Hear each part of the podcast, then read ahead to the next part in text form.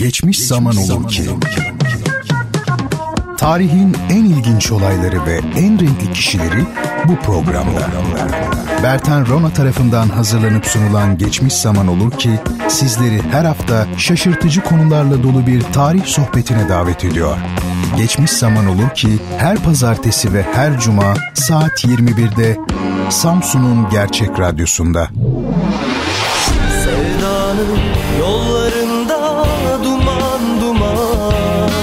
O Ses Türkiye yarışmasının birincisi Emre Sertkaya, ilk teklisi Sevda'nın yollarını anlatmak için 9 Aralık Cumartesi günü saat 12'de Rengarenk programının konuğu. Kaçırmayın.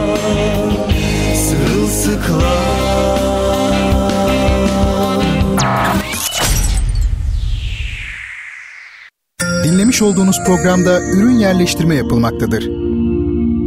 Bertan Rona ile Duyuşlar Müzik, sanat, edebiyat, dil, kültür ve hayat üzerine duymak istediğiniz her şey bu programda. Bertan Rona ile Duyuşlar her çarşamba saat 22'de Samsun'un Gerçek Radyosu'nda. Bertan Rona ile Duyuşlar başlıyor. Sevgili dinleyicilerim hepinize iyi geceler diliyorum. Ben Deniz Bertan Rona efendim Duyuşlar programını sizler için hazırlayıp sunmaktayım. Her çarşamba gecesi olduğu gibi yine saat 22 oldu ve e, birlikteyiz. Bu programda sanattan, edebiyattan genellikle yer yer felsefeden söz etmeye çalışıyoruz. Hayatın kendisi, hayatın halleri de değinmeye çalıştığımız konular arasında öncelikle size e, Twitter adresimi söyleyeyim. E, Twitter aslında Twitter, Instagram ve e-mail adresim de hepsi aynı. Bertan Rona şeklinde. E-mail tabi bertanrona at gmail e, benim adresim o. E, bazen biliyorsunuz şeyler yüklüyorum bir takım böyle görseller yüklüyorum Instagram'a. E, ve sizlerin bakmanızı istiyorum program esnasında ve Gülsüm Hanım sağ olsun çok sevgili dinleyicilerimden bana e, nasıl e, Twitter'la Instagram'ı bağlantılı kullanacağımı öğretmişti böyle açıklamalı görsel bir şekilde. Ben de o seçeneği artık işaretliyorum ve Instagram kullanmayanlar da e, Twitter'dan ulaşmış oluyorlar paylaştığım görsellere. Her hafta olduğu gibi e, bu akşam da yine size bir soru soracağım. Kitap hediyemiz devam etmektedir, bakidir. Bertan Rona Twitter hesabına doğru cevabı yazan ilk e, dinleyicime e, bir kitap hediye edeceğim efendim. Şimdi öncelikle bugün benim e, çok sevdiğim teyzeciğimin doğum günü. Onun doğum gününü kutluyorum. Bir sen teyzem benim iki tane teyzem var. Biri Sercan biri Birsen. Birsen teyzem büyük olan teyzem Ankara'da yaşıyor kendisi. Bugün onun e, doğum günü. Teyzecim doğum günün kutlu olsun. Ee, seni çok seviyorum. Her ne kadar aynı şehirde yaşamıyor olsak da ve e, maalesef az görüşüyor olsak da e, hiçbir şey değişmiyor. Bu sevgim aynı. E, işin garip tarafı küçük teyzem de bizim ailede doğum günü işlerine bakar. E, benim hayatımda kutlanmış olan tek doğum gününü kutlayan da küçük teyzemdir. Sercan teyzem o da İstanbul'da. Ona da buradan e, sevgilerimi, selamlarımı gönderiyorum. İkisini de sımsıkı kucaklıyorum. E, bir duyuru yapayım önce size. 19 Aralık'ta Ankara'da e, bir premier gecesi olacak. E, değerli Türk bestecilerinden e, Turgay Erdener'in, Muammer Sun'un, Tolga Taviş'in e, ve Hasan Uçarsu'nun şarkıları, eserleri seslendirilecek. Burada tabii bir doğrudan benimle bağlantılı olan yönü çok yakın arkadaşım Tolga Taviş'in müziklerinin de orada ilk defa seslendirilecek olması. Birlikte biz bir opera üretmiştik sevgili Tolga'yla. Ee, benim şiirlerimden 8 tanesini o besteledi bu aralar son aylarda. Ve Rona şarkıları adını koyarak bana da böyle güzel bir e, jest yaparak e, 19 Aralık'a doğru hep birlikte prova yaptılar Ankara'da. Ben onlarla değildim bu süreçte ama aynı heyecanı duydum. Ve 19 Aralık'ta enteresandır hani hep konser kaydı diye bir şey vardır. Hani konser yapılır ama aynı zamanda işte o e, kaydedilir. Bunda galiba biraz tersi olacak. Yeni bir format bu. Kayıt e, konseri bu. Yani aslında stüdyoda kaydedilirken stüdyonun bir e, herhalde bir 70 kişilik kadar e, salonu var. Orada da insanlar bu kaydı e, bir premier olarak takip edebilecekler. Ben haftaya daha detaylı bilgi vereceğim size Rona şarkıları için ve tabii şeyin e, konserin dinletinin tamamı e, için. Şimdilik bu kadarını e, söylemiş olayım. Geçen e, şöyle bir şey oldu. Şimdi benim e, telefonuma böyle e, bayramlarda, kandillerde falan mesaj atan biri var. Bir numara var. E, ben o numarayı tan- tanımıyorum yani bilmediğim bir numara. E, telefonumda kayıtlı olmadığı için doğal olarak isim falan da yok sadece numara. E, ilk böyle geldiğinde demek ki ben de ona cevap vermişim. Yani tanımadığım halde ben de yazmışım. Sağ olun ben de size iyi bayramlar dilerim falan bil mukabele falan şu bu. Ondan sonra ve şöyle bir baktım bu süreç epey uzamış. Yani biz aslında yıllardır yazışıyoruz. O her bayramda her kandilde yazıyor yılbaşında falan neyse. Ben de hepsine cevap vermişim ama e, o muhtemelen benim e, tabii telefon kullandığım numaranın eski sahibine yazıyor tahminim. E, haberi yok. Ben de hani tanımadığım bir kişi olmasına rağmen ya güzel bir şey yazmış. Benim için önemi yok böyle şeylerin. Yani tanı, tanısan da tanımasan da sana güzel bir şeyler yazmış, dilekler yazmış bir insan var. Ne var yani hani ona yazsan illaki yanlış birine yazıyorsunuz falan demenin de bir alemi yok. Ve bayağı bir e, yazışmışız. Mesajlar tabii SMS'ler aynı sayfada kayıt altında tutulduğu için telefonlarda artık. Şöyle bir geçmişe doğru baktım. O bayağı e, uzun olmuş. Şeyi düşündüm yani tanımadan daha mı güzel acaba? Çünkü siz e, o kişiyi tanımıyorsunuz. Hiçbir şey bilmiyorsunuz onunla ilgili. Yaşı, cinsiyeti, nerede olduğu falan hiç ama hiçbir şey bilmiyorsunuz. Böyle olunca onu özelliklerinden sıyırdığınız zaman yani böyle bir işte meyveyi kabuğunu soyarsınız ya o zaman hakiki bir insan kalıyor sanki. Soyut belki evet. Sokakta karşılığı olmayan e, bir insan e, ama sizi yormuyor, sizi üzmüyor. Birbirinize karşı ön yargı hissetmiyorsunuz. Yani tek taraflı tabii o beni başkası zannediyor ama mesela benim o kişiyle ilgili hiçbir kötü düşüncem yok. Normalde başkalarıyla ilgili var çünkü olumsuz düşüncelerimiz. E, bu güzel bir şey. Acaba dedim yani insan ilişkileri böyle olsa e, kim bilir? Salt e, şey insan. Gerçi bir taraftan tanımak da iyi tabii bir insan. O da başka bir şey. Orada tecrübe var, yaşanmışlık var. Ama öbüründe de dediğim gibi ön yargısız olmak var. Salt insan. Hani bir e, anlatılır ya rivayet işte Hegel, filozof Hegel şeye gitmiş. Manava gitmiş bana meyve ver demiş. Adam e, işte portakal koymuş bilmem ne koymuş falan. Yok demiş ben bunları istemiyorum meyve istiyorum. Hakikaten de baktığınızda portakal portakaldır. Yani meyve diye bir şey yok aslında. O bizim bir üst soyutlamamız kavram. Tıpkı onun gibi yani insan dediğimiz şey de sokakta hiç aslında insan göremezsiniz. Hep tekil bireyler vardır. Bu da bunun gibi bir şey. İlginç. Ee, şimdi benim bu hafta ilgimi çeken belli nedenlerden e, dolayı ilgimi çeken bir şey bu ahlak meselesi oldu. Toplum toplumun ahlakı falan denir ama aslında e, top, ahlak toplumla ilgili bir şey değildir. Normalde ahlak bireyle ilgilidir. Yani bireyin ahlakından söz edebilirsiniz. E, yani felsefede böyle. E, şimdi geçen geçen değil dün aslında e, arkadaşlarımızla e, konuştuk. E, iki arkadaşımla konuştum. Hani bu olayların ve olguların tabii toplumsal nedenleri vardır. Ama bir taraftan da mesela suç dediğiniz kavrama bakıyorsunuz. Suç işte hukukta vardır ya suç bireyseldir. Burada tabii bir çelişki oluyor. Yani olguların toplumsal nedenleri varsa suçun bireysel olması da tabii ilginç. Mesela bakıyorsunuz belli mahallelerde işte suçlar yoğun yaşanıyor.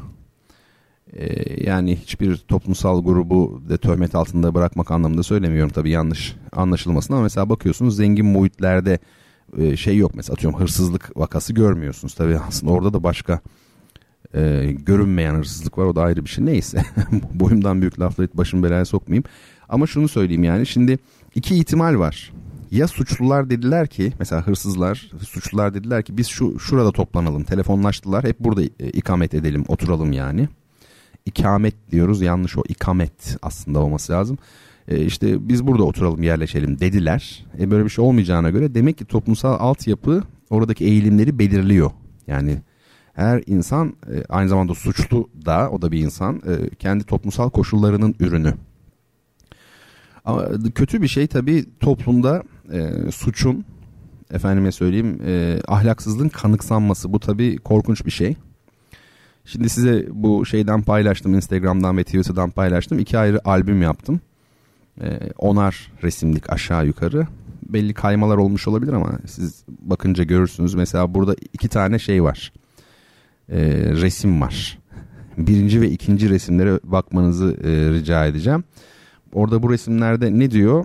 Yazan şey ben de şöyle bir bakıyorum şu an. Müjde diyor e, askere gideceklere müzik konusunda bon servis verilir. E, şimdi ben bu fotoğrafı kendim çektim. Özellikle de iki tane koydum ki arka arkaya yani nerede olduğunu anlayın diye. Bir tanesi daha uzak bir plan yani öbürü daha yakın. Tabii şimdi benim bildiğim bon servis de bon servisin birkaç anlamı var mesela e, transferdeki bon servis başka bir şey.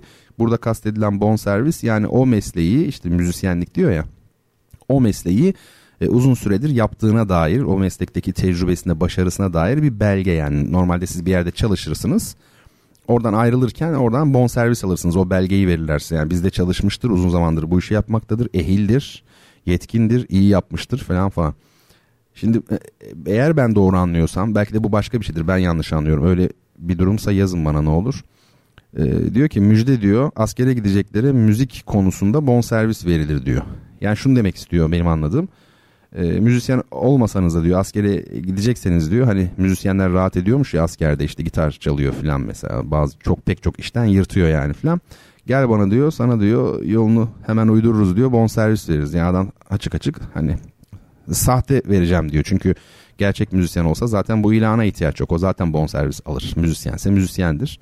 Böyle bir şey mesela bakın bunu adam duvara yapıştırmış. İşte çok net hani ahlak diyoruz ya işte burada bu şeyi görebilirsiniz. Tabii şey diyebilirsiniz şimdi. Oho hocam buna gelene kadar akşam olur filan. Ya öyle ama bu örnek işte ben dikkatimi çekmişti. Ee, bazı şeylerde e, az veya çok yoktur ben böyle düşünüyorum. Mesela ahlakın azı veya çoğu olmaz. Az ahlaklı adam, e, az ahlaklı kadın mesela veya çok nicel bir şey değildir. Mesela aşk da öyledir. Ya aşıksınızdır birine ya değilsinizdir. Az aşığım diye bir şey duydunuz mu hiç? Çok aşığım veya gerçek yani hakikat dediğimiz şey. İnanç da öyledir. Ya inanıyorsunuzdur ya inanmıyorsunuzdur. Şimdi dolayısıyla e, etik de böyle bir şey yani. Ee, tabii şimdi mesela biz bu şeyi ahlaksızlığı kanıksamış olduğumuz için mesela Şişli'deki o yoldan işte bu fotoğrafı çektiğim benim yoldan hep beraber e, geçip gittik. Geçenlerde aslında biraz da o konuya bağlamak istiyorum. Bu Twitter'da falan çok görüldü herhalde televizyonlarda falan da görüldü e, bu işte kedi meselesi kediye yavru kediye işkence yapılıp öldürülmesi meselesi. Şimdi orada mesela e, seyredenler vardı. Onlar beni daha çok düşündürdü biliyor musunuz? Yani seyredenler. Şimdi mesela o yapan kediye işkenceyi yapan rütbeli biri olsaydı hani o zaman anlamak belki mümkün olurdu derdik yani niye seyrediyorsun kardeşim filan. Şey hani tam seyrediyor yani korkuyor filan. E, ama e, bizim öğrendiğimize göre televizyondan işte haber bültenlerinden yapan kişi de er. E, muhtemelen onlar da öyle. Ve bu seyretme olayı enteresan. İşte tıpkı mesela ben de fotoğrafını çekip müjde hani bonservis meselesi gibi oradan insanlar geçip gidiyor yani. Bu e, böyle bir şey. Ama dediğim gibi bu acımasızlık bizim iliklerimizde işlemiş. Şimdi bu gönderdiğim fotoğraflardan bir sonrakinde 3 numaralı fotoğrafta bakın ne yazıyor? Cami avlusuna ekmek bırakılması hayvanlar için yani parantez açmışlar yasaktır diyor. Altta da cami derneği diyor. Yani ekmek bırakmayın hayvanlara diyor. Ee, bu ibadethane yani. Bir, bir sonrakine de lütfen bakın. Bu da işte Osmanlı'dan kalma bir şeyin efendime söyleyeyim. Bu bir cami değil e, bildiğim kadarıyla. Bu Seyit Hasan Paşa medresesinin kuş evi. Yani o, o biliyorsunuz medreselerde camilerde böyle olur. O mimari bir unsurdur. Süslemedir. Oraya e, bir kuş evi yapıyorsunuz. Kuşlar orada gelip yaşasınlar diye, yuva yapsınlar diye. Bakın nereden nereye. Bir önceki de işte yine o da cami yani. Aradaki e, fark çok şeydir yani düşündürücüdür. Peygamberimizin de bu arada kedisi vardı. Adı Müezza. Ee, bir araştırın bence. Bir bakın. Okuyun yani. Müezza. Ne güzel isim değil mi? Şimdi bugün 6 Aralık e, sevgili dinleyicilerim. 5 Aralık'ta yani dün e, Wolfgang Amadeus Mozart'ın e, ölüm yıl dönümüydü. 226 yıl önce Mozart yani 5 Aralık 1791'de vefat etmiş. Eşi e, Constance Mozart'ın karısı e, ne diyor biliyor musunuz Mozart'ın ölümüyle ilgili? E, kelimesi kelimesine söyleyeyim. Tam bir huzur içinde ama hiç istemeden öldü. Yani huzur içinde ölmüş, acı çekmeden ama hiç istemeden e, ölmüş. 35 yaşında öldü Mozart. E, Constance ilginç biridir. Mozart'ın eşi. E, evde tabii çok örgü örermiş o. O dönemlerde öyle tabii. Mum ışığında geceler düşünün. Şimdi köylerdeki gibi. Hoş şimdi köyler bile televizyon, televizyon her şey var. E, o dönemde işte böyle gaz lambaları falan filan. E, eşi de zaten paraları yok pek şey yapıyor örgü örüyor e, katkıda bulunmak için ekonomiye ev ekonomisine. Efendim e, mesela derler ki e, Mozart'ın Don Giovanni diye bir operası var. Bu Don Giovanni operasını Mozart bestelemiş fakat uvertürünü yani girişteki müziğini bestelememiş henüz. E, bir gecesi kaldığı söyleniyor yani bir günü kalmış. Onun çünkü parasını önceden almış ve şu gün teslim edeceğim demiş. E, bir gün kalmış hala uvertür yok piyasada e, Constance evde hani örgü örüyor ya e, Mozart'a Mozart uyuyakalıyormuş sürekli bestelerken kağıt kalem elinde. Besteleme dediğim o yani kağıt kalemle. Bir de Mozart çok küçük yaşta 4-5 yaşında beste yapmaya başladığı için hani çocuklar böyle yere uzanıp defterlerini koyup yerde çalışırlar ya ödev yaparlar ya. Mozart da ödevlerini e, ödev diyorum işte bestelerini o şekilde yapıyor. Küçük öyle alışmış yani 30 yaşında bile öyle söylerler. Yani yerde yapıyormuş. Sık sık uyuyakalıyormuş tabi uyudukça Konstance yani eşi e, şeyi böyle şişi örgü ördüğü o şişi batırıyormuş Mozart hafif böyle ikaz ediyormuş onu. O da tabi uyanıyormuş Uyar, uyarılınca tabi. E, o şekilde Don Giovanni'nin uvertürü o şekilde bestelendi derler yani 8 saat içinde sabaha kadar e, ve biliyor musunuz Mozart'ın yazdığı belki de gelmiş geçmiş en iyi müziktir. Bütün zamanların en iyi müziklerinden bir tanesi. Mozart çok büyük bir harika çocuk. Her e, besteci böyle değildir. Mesela Bach Mozart'tan daha büyük bir besteci olarak kabul edilir ama Bach'ın çocukluğunda biz böyle harika işler görmüyoruz. Mozart'ta var. E, gerçek bir harika çocuk ve tabii gerçek bir şey, dahi. Albert Schweitzer var, ünlü bir ork, e, organist yani ork çalan birisi bir filozof aynı zamanda bir papaz uzun yıllar işte böyle işte misyoner faaliyetleri Afrika'da falan yapmış ama düşünür yani adam. Onun bir sözü var Mozart'la ilgili diyor ki gerçek dahiler göklere uzanırlar Mozart ise gökten inmiştir diyor. Şimdi hakikaten biz şeyi anlayamıyoruz yani Mozart'ın e, eserlerini nasıl yazdığını anlayamıyoruz. Çünkü 35 yaşında ölmüş e, dahiler genellikle az yaşar. Bunun örnekleri çoktur. Van Gogh da o yaşlarda ölmüştü. Belli sebepleri var tabi. Şimdi şöyle söyleyeyim bir şey yapılmış araştırma araştırma değil de bir hesap yapılmış öyle diyeyim. Bu hesaba göre e, mesela hafta içi 5 gün e, cumartesi pazar tatil olmak kaydıyla hafta içi 5 gün ben size şeyi versem mesela Mozart'ın bütün eserlerini versem birinize desem ki bunları kopya et. Yani bakıp yazacaksın, notasını yazacaksın. Bakarak aynısını.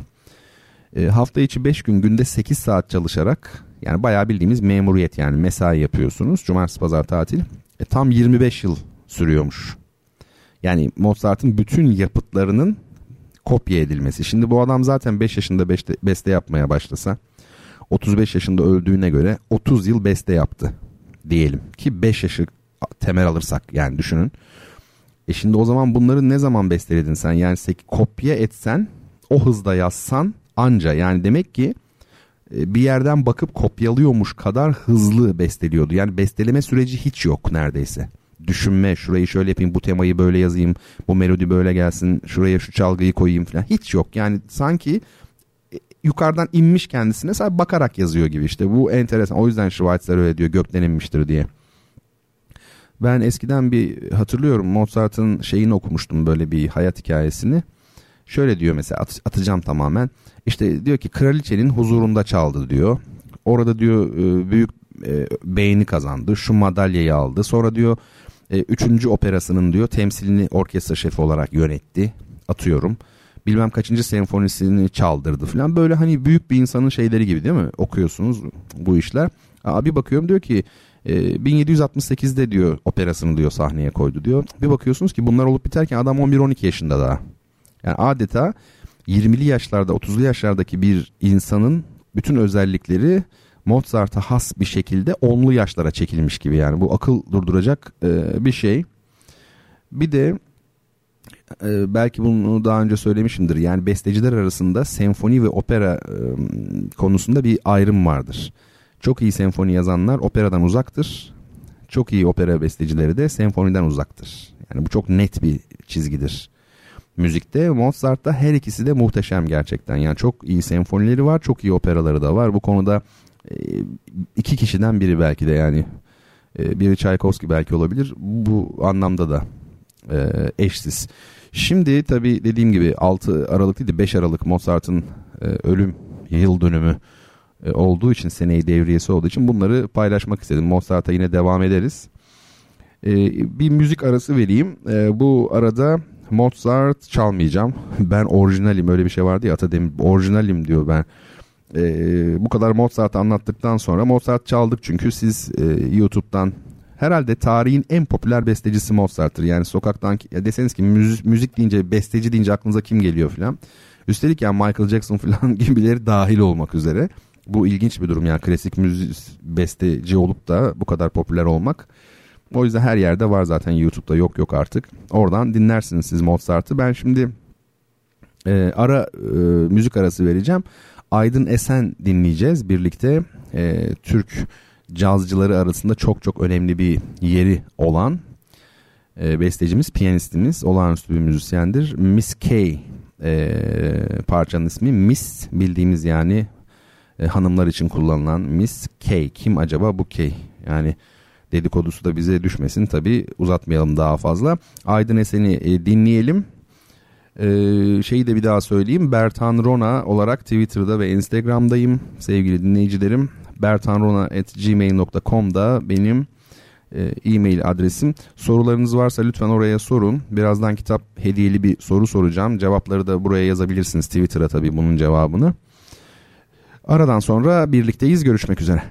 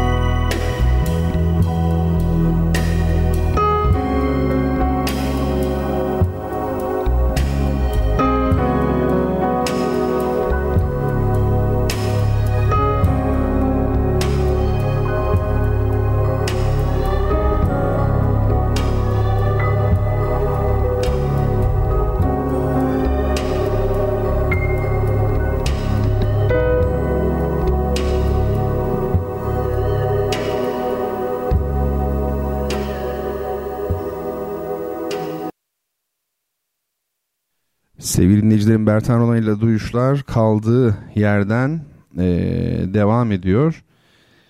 Buraya not almışım garabet diyar diye daha evvel zannediyorum e, bahsetmiştim.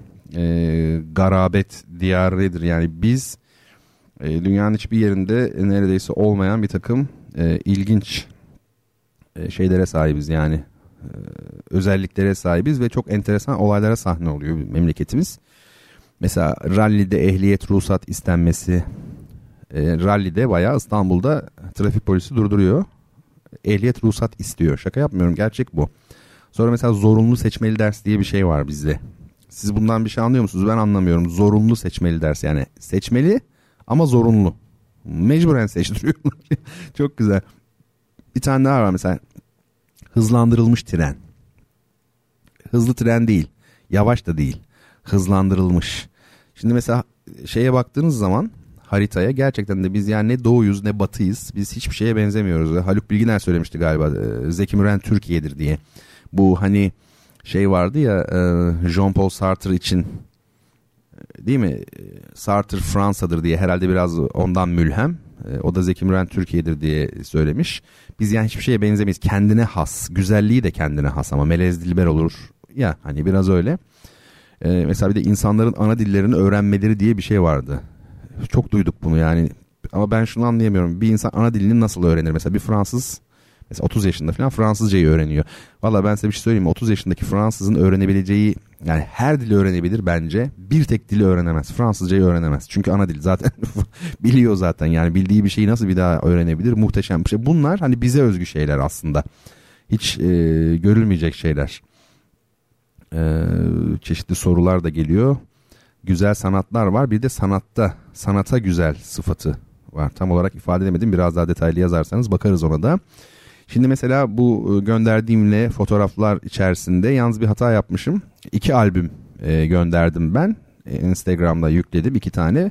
E, iki, ta iki ayrı tweet olarak geldi. Şimdi ikinci tweetin başındaki fotoğrafta şöyle bir şey var. Ben onu bir kapıda çektim hastanede. Şöyle yazıyor. Görevli dahi olsanız girmek yasaktır diyor. Şimdi ben bunu anlayamadım. Yani e, görevli olmayan giremez tamam. Yani görevi değilsen kapı kardeşim aç zorlama yani kapıyı tıklatma falan diyor herhalde.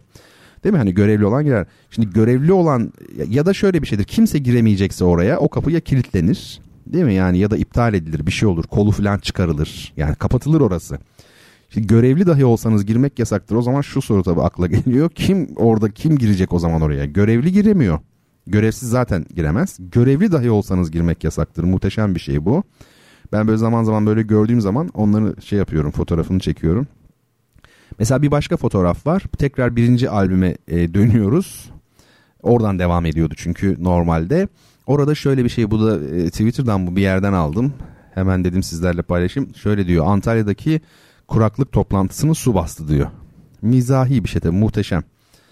Yani Antalya'da kuraklık toplantısı yapılıyor. Su basıyor toplantı. Bunda tabii toplantı yapanların bir şeyi yok yani. Kabahati yok ama muhteşem değil mi? Yani şey böyle mizah dolu başlıklar bunlar. Kuraklık toplantısı yapıyorsun. Canını zor kurtarıyorsun selden. Bu da muhteşem. Bir tane daha e, şey var. Fotoğraf var. O da yeni. Belki görmüşsünüzdür siz de. Evinin önüne kaldırım örülen adam içeri giremiyor diyor. E, adamcağız zaten kotta herhalde aşağıda yani evi biraz böyle zemin hizasındaymış. Baya yakın çok alçak bir zeminde yani. Belediye geliyor oraya tabii şey yapıyor. E, kaldırımı döşüyor. E, tabii o zaman e, şimdi ya kaldırım çok yüksek ya da ev çok alçak. Şimdi ikisinden biri galiba işin şakası tabii o ikisi birden. E, Avrupa'da kaldırımların çok ince olduğunu müşahede ediyorsunuz. Bizde kaldırımlar çok yüksek. Tabii devlet vatandaşı trafikteki kaostan ancak böyle koruyabiliyor yani belediyeler yüksek kaldırım yaparak. Çünkü öbür türlü kendinizi güvende hissetmiyorsunuz. Şöyle bir düşünün bakın Türkiye'de şu an sizler beni dinliyorsunuz. Tabii dünyanın her tarafından dinleyicimiz var bu arada.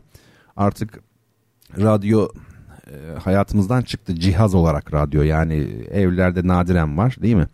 E, ya arabada dinleniyor radyo onun dışında da internetten dinleniyor. İnternetten olunca da kaç kişinin nerelerden dinlediğini görebiliyorsunuz bir biçimde. E, Valla Malezya'dan bilmem nereye kadar dinleyenler var beni.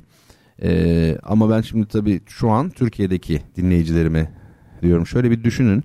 Mesela çok ince olsa bizde kaldırımlar çok ince ama bir santim falan böyle iki santim kendinizi güvende hisseder misiniz? Galiba hissedemeyiz yani çünkü e, bir kur, kuralsızlık yani kuralla beraber kuralsızlık da hakim bizde yani kaos olabiliyor zor. E, o bakımdan e, kaldırım yüksekliği aslında bir fikir verebilir belli konularda. Kale gibi bizdeki yani üzerinde sanki böyle kızgın yağla sizi be- bekleseler yeridir yani. yani. Var ya kale fethederken yukarıda kızgın yağla bekliyorlar. Bugün tabii e, şeyim yüksek benim böyle gülme potansiyelim. E, ne yapalım izahı olmayanın mizahı olurmuş derler. Bu güzel bir sözdür. İzahı olmayanın mizahı olurmuş. Şimdi tekrar ciddileşiyorum. Efendim amcam da çok güzel değil mi fotoğrafta böyle hani kaldırım döşeniyor evine giremiyor muhteşem. Şimdi e, ha sonradan da şey olmuş ama o e, adamcağız başvuruda bulunmuş. O, o kaldırımı ya orasını söktüler nasıl yaptılar mı ya da söküp tamamen alçaltmışlar galiba girebilsin diye. Bize has manzaralar bunlar. Şimdi Mozart'la ilgili birkaç şey söyleyeyim. Ee, yarım kalmıştı. Yani dedim ki arka arkaya böyle çok uzun Mozart'ı anlatmayayım ama bir bölümünde burada anlatayım. Ee, Mozart Viyana'da öldü. Yani aslen Salzburglu. Yani Viyana'nın şeyin Avusturya'nın bir başka e, şehri. Salzburg daha batıda. Yani Innsbruck kadar batıda değil ama bayağı batıda. Viyana ise doğusunda biliyorsunuz Avusturya'nın e, Viyana'ya yerleşti belli bir yaştan sonra ve orada öldü. Viyana o zaman e, ki bugün olduğu gibi yine yani dünya müziği açısından çok önemli bir şehirdi ve Mozart orada çok sıkıntı çekti. E, parasızlık çekti, parasız kaldı. Ve ilginçtir Mozart bu sıkıntıyı, bu parasızlığı çekerken Viyana'da İtalyan hocalar çok revaçtaydı. Yani e, onlar çok yüksek ücretlere mesela piyano dersi verirken e, Mozart garibim çok düşük ücrete verebiliyordu. Tabi böyle e, mesleki e, ahlaksız bir dayanışma çok olur. Her meslekte olur. Müzikte de vardır mesela İtalyan mafyası, müzik mafyası yani. E, tabii tabii mesela Mozart'ın bir operası seslendirilecek diyelim. Şarkıcılar İtalyan çünkü zaten yazdığı opera İtalyan operası yani dil İtalyanca zaten şarkıcılar da İtalyan.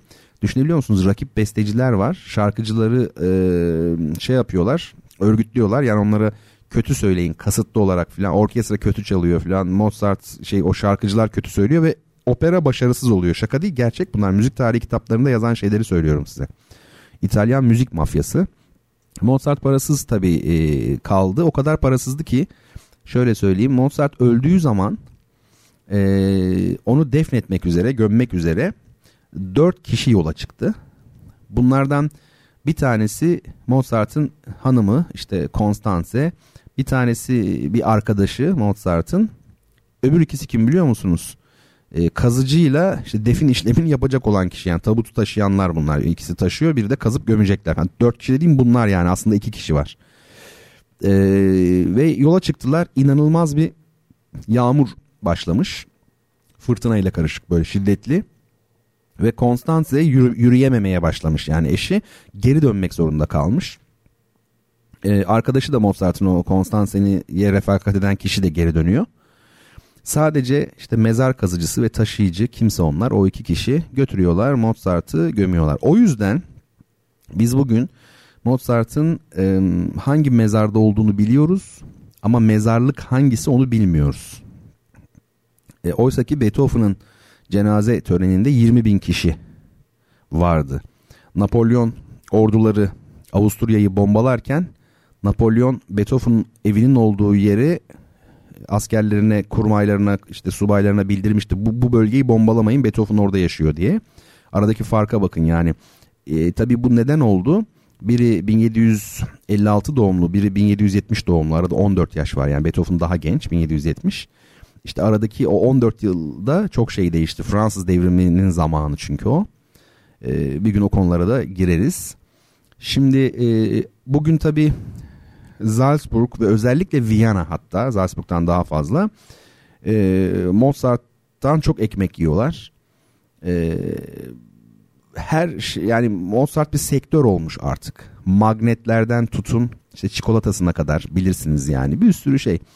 E, böyle küçük küçük kemanlar satıyorlar işte masanıza koymak üzere işte üzerinde Mozart yazıyor falan filan şu bu. Hakikaten e, mide bulandırıcı şeyler bunlar. Niye mide bulandırıcı? Çünkü E, bunlar tamamen e, şey adamın sırtından e, para kazanmak yani bir meta. E, mide bulandırıcı tarafı özellikle şu yani Viyana'da çok büyük sıkıntı maddi sıkıntı çekmiş.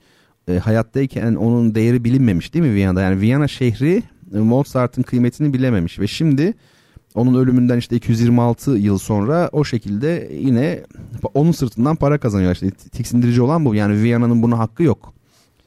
Ee, ve bir yine Instagram fotoğrafına bakabilirsiniz.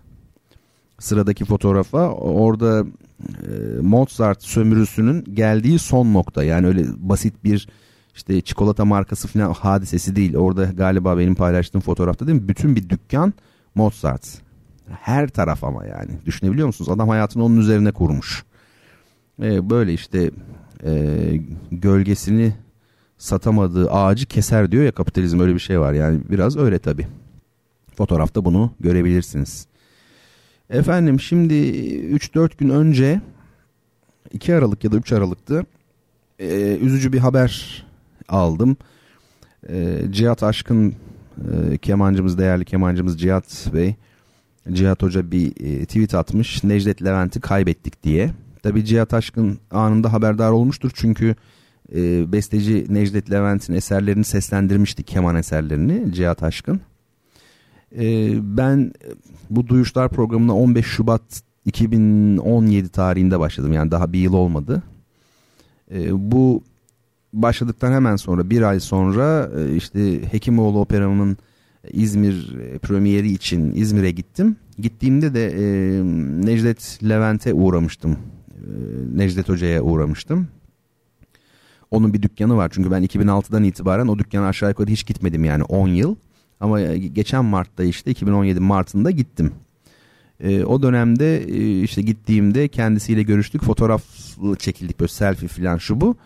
E, bana şey demişti mail olarak bana at bunu olur mu demişti. Yani 93-94 yaşında biri o, düşünün. Ve ayakta duruyor sürekli. İşte ben de göndermiştim. Ve geldiğimde buraya Necdet Levent'in müziklerini e, çalmıştım radyo programında e, ve vefatını öğrenmiş olduk yani iyi ki e, gitmişim. E, şimdi ben size Necdet Levent'in e, biyografisini e, okumaya çalışayım yani e, fikrimiz olsun çünkü Türkiye'de e, biz e, bir arabeskçi öldüğü zaman bütün ülke olarak değil mi? Ülke olarak millet olarak değil devlet yetkilileri hatta böyle başsağlıkları falan o şeyler yapılıyor. Ama mesela Necdet Levent hiç kimse bilmediğine eminim. Hiç kimse derken yani toplumumuzun kahir ekseriyeti. 26 Aralık 1923 yılında İzmir'de doğdu. İlk öğretimde başlayan ve orta öğretim sıralarında ilerlettiği keman ve müzik öğrenimini 1944-49 yılları arasında hukuk fakültesine devam ederken İstanbul Belediye Konservatuarı hocalarından Seyfettin Asal'dan alarak sürdürdü. Uyum bilgisiyle birlikte yani armoni ile birlikte çalışmalarını bestecilik alanına yönelten Necdet Levent'in ilk yapıtları İstanbul Teknik Üniversitesi Öğrenci Orkestrası tarafından seslendirildi. 1956-57 yılları arasında Ankara'da Bülent Arel ile tanıştıktan sonra ki Bülent Arel önemli bir bestecimiz bir süre 12 ton tekniği üzerinde çalışmalar yaptı. Bu da bir çağdaş bestecilik tekniği, dodekafoni. 1976 yılında İzmir Devlet Konservatuvarı'na atanan besteci Muammer Sun'un teşvik ve yardımları ile Kemal İlerici'nin Türk Müziği ve Armonisi isimli kitabında ortaya koymuş olduğu dörtlü armoni sistemini öğrendi falan filan. Buralar teknik şeyler e, Türk halk ve klasik müziği form, usul ve makamlarını kişisel bir anlayışla kullandığı bu yapıtlarının pek çoğu İzmir Devlet Senfoni Orkestrası ve İzmir Devlet Opera ve Balesi ile oda müziği toplulukları tarafından seslendirilmiştir. Şimdi yurt dışında Almanya, Belçika ve Amerika'da Amerika Birleşik Devletleri'nde seslendirilen yapıtları ne biliyor musunuz? E, birinci keman konçertosu, piyano için 10 parça, Çoban Yıldızı Bale Süiti, flüt ve yaylı çalgılar orkestrası için süit, Yaylı çalgılar kuarteti, yaylı dördül numara 2. Flüt ve piyano için parçalar. Ben bu parçalardan e, piyano için 10 parçayı e, konservatuarda hocalık yaptığım dönemlerde öğrencilerime çaldırmıştım. Öğrenciyken e, derslerden falan çıktığımda zaman zaman okul tabi Balçova'da Narlıdere'de İzmir'de e, ben de Karşıyaka'da oturuyorum. Tabi feribotla gidiyoruz ama bazen de otobüsle giderdik. O, orada konakta kemer altında inip e, Necdet Hoca'nın dükkanına e, uğrardım nota satan bir dükkan. E, fotoğraflarda aslında görebilirsiniz. Sıradaki fotoğraflarda var bu. E, dükkan böyle partiturların, notaların, müzik e, gereçlerinin satıldığı bir dükkan. Öyle hani şey değil ama keman, gitar öyle enstrüman yok da daha başka gereçler yani e, satılıyor. Orada böyle dakikalarca konuşurduk. Hiç oturmazdı Necdet Hoca. Böyle 90 küsur yaşına rağmen böyle ayakta dimdik falan. Ee, dediğim gibi yani 2006'da ben İstanbul'a yerleşince ondan sonra bir defa sadece e, görüştük e, kendisiyle. O gördüğünüz fotoğraflar da işte en son bu Mart ayında benim çektiğim fotoğraflar rica üzerine bana gönder dediği önce bir kendisini çektim. Ve bana e, ne anlattı biliyor musunuz? Dedi ki Bertancım artık dedi yaşım çok ilerledi ben dedi hani pek yapamıyorum burada. Dükkanı devredeceğim dedi. Hocam dedim yani devredeceksiniz de burası bozulmasın. E, vallahi dedi ben de öyle istiyorum. İşte biriyle öyle birini arıyorum dedi. O yüzden devretmiyorum. E, biriyle konuşmuş şey demiş hocam ben değiştirmeyeceğim dükkanınızı yine böyle kalacak. Yani yine aynı müzik evi olarak kalacak diye. E, işte güvenebilir miyim güvenemez miyim biraz onlar konuşuldu filan vesaire. Umarım Levent Müzik Evi hiç şey olmaz. E, değişmez.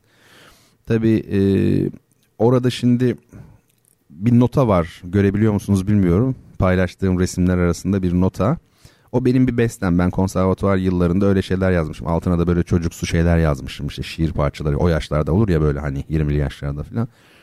Ee, o benim piyano bestem yani. piyano için parçalarından biri. Altında bakın şey yazıyor. Levent Müzik Evi yazıyor. İşte oradan aldığım şeyler onlar. Nota kağıtları. Boş nota kağıdı satın alırdık. Biz defter kullanmıyorduk yani. Öyle müzik defteri olmaz konservatuarda. Ee, onun üzerine yazdığım şeyler. Diğerleri de işte Necdet Hoca'nın eserlerinden ve e, kitaplarından, orkestrasyon kitabı falan. Düşünün yani Necdet Levent konservatuar hocası değildi. Buna rağmen yani orkestrasyon kitabı yazmış bildiğim kadarıyla yani ilk kişi bile olabilir yani neredeyse Türkiye'de. Neyse Allah rahmet eylesin Necdet Levent'e. Onu bir kere daha anmak için Necdet hocamızı. Şimdi onun Çoban Yıldızı diye bir balesi var. Çok güzel bir bale. Onun e, suite versiyonundan yani Çoban Yıldızı Bale Suite'in Opus 23'ten e, sırasıyla şu parçalar. Uvertür, sonra Balıkçılar, sonra Genç Balıkçı, sonra Yemeni Dansı ve en son Kızların Dansı. E, bu parçaları arka arkaya kısa kısa parçalar bunlar zaten dinleyelim. Böylelikle kendisini de yad edelim. E, Allah rahmet eylesin. Mekanı cennet olsun sevgili e, hocamızın. Kemanda yine Cihat Hoca var, Cihat Aşkın. Piyanoda ise Mehru Ensari var. Programımız sonra kaldığı yerden devam edecek sevgili dinleyicilerim.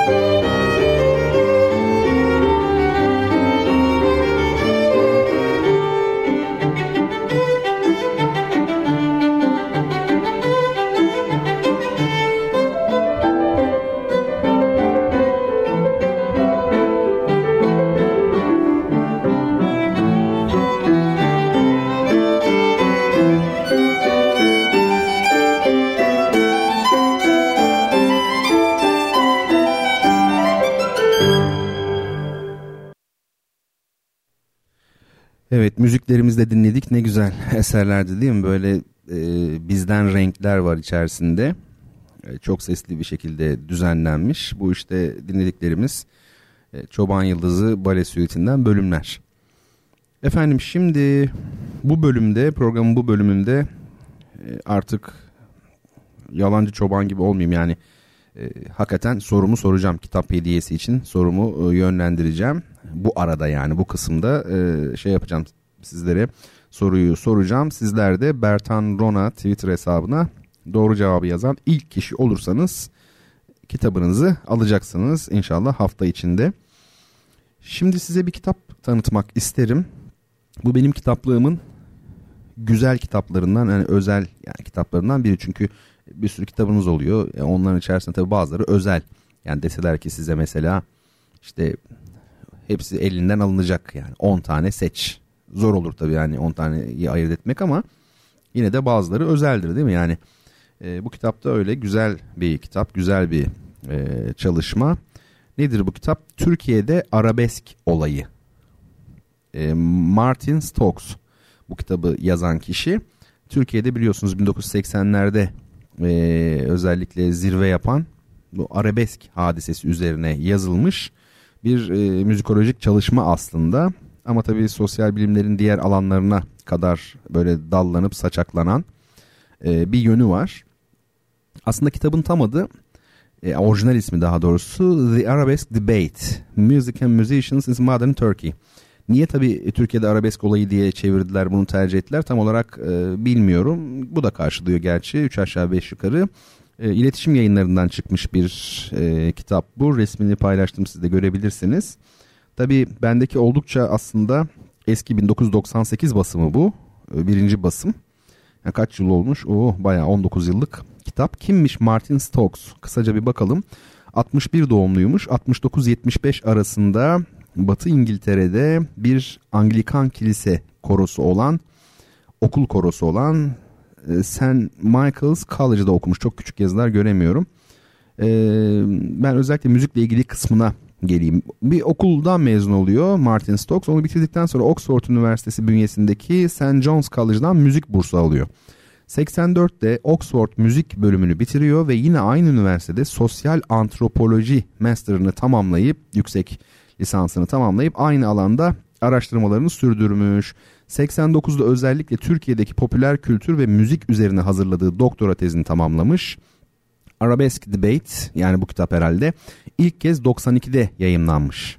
Yazarın pek çok eseri varmış. Mesela bir tanesi Ethnicity, Identity and Music, The Musical Construction of Place, Kirsten Schultz ve Colm Campbell ile editörlüğünü yaptığı Nationalism, Minorities and Diasporas gibi kitapları var. Ünlü bir takım dergilerin editörlüğünü yapmış. 89-97 yıllar arasında Belfast Queen's University'de antropoloji ve etnomüzikoloji dersleri vermiş. Halen tabi halen dediği herhalde 98 itibariyle tabi Chicago Üniversitesi'nde müzik bölümü eğitim görevlisi.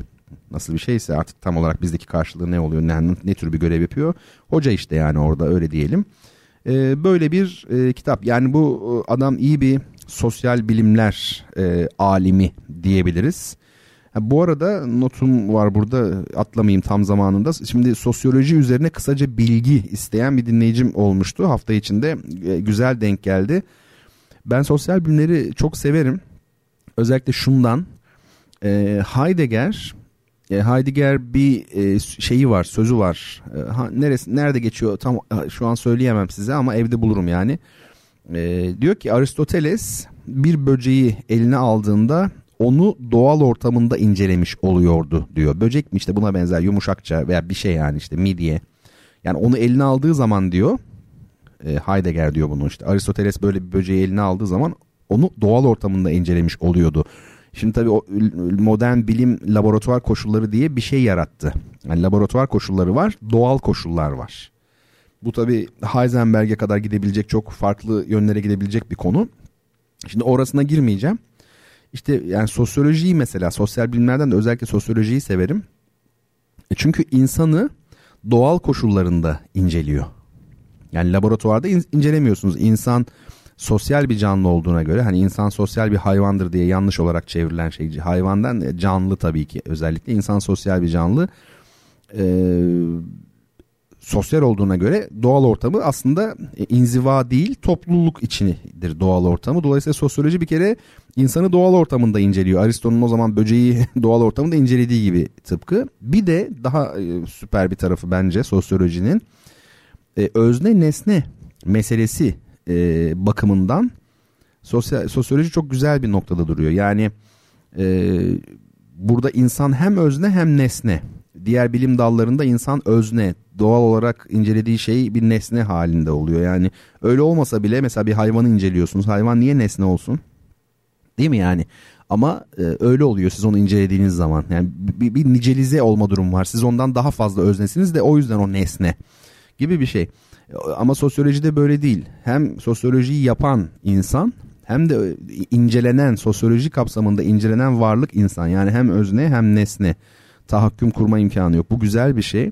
Yani özne nesne birliği e, ve veya bunun dengesi aslında şu an dünyanın temel sorunlarından bir tanesi. Yani köy kent diyalektiği dediğinizde kent daha fazla özne. Kadın erkek diyorsunuz bak yine aynı mesele. Doğu batı yine aynı mesele. Tabiat medeniyet bunların hepsinin gelip dayandığı yer özne nesne konusu.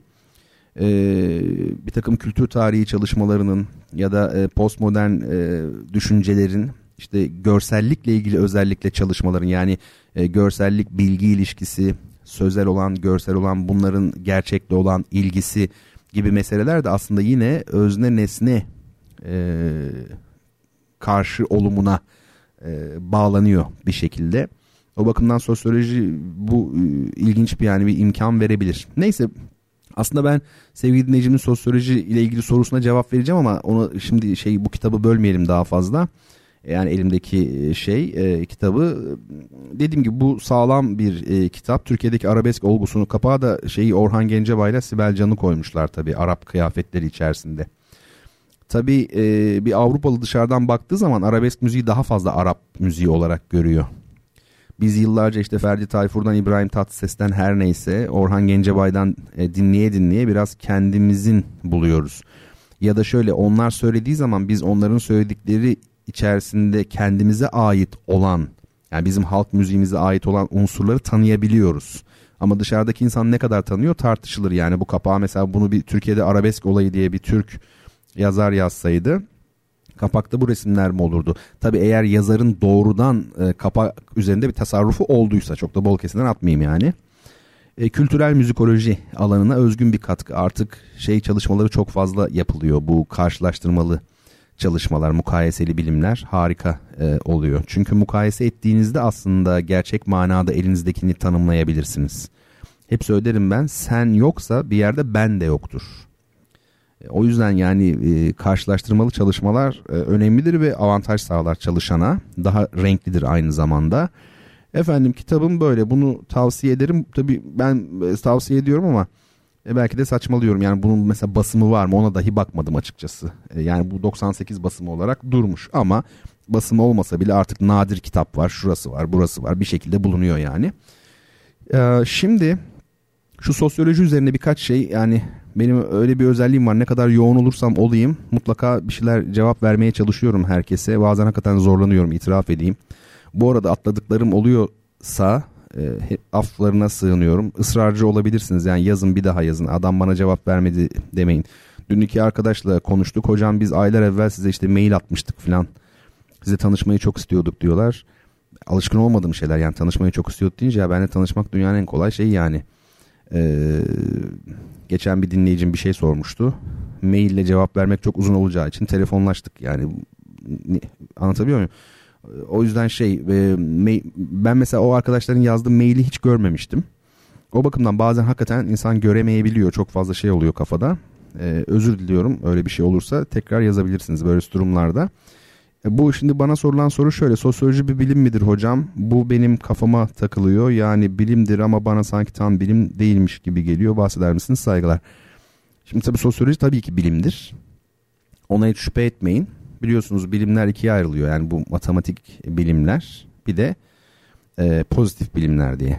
matematik bilimler de iki tane aslında. Yani bir tanesi zaten matematik, biri mantık. Pozitif bilimlerse ikiye ayrılıyor kendi içinde. Doğa bilimleri var, yani tabiat bilimleri, bir de sosyal bilimler var.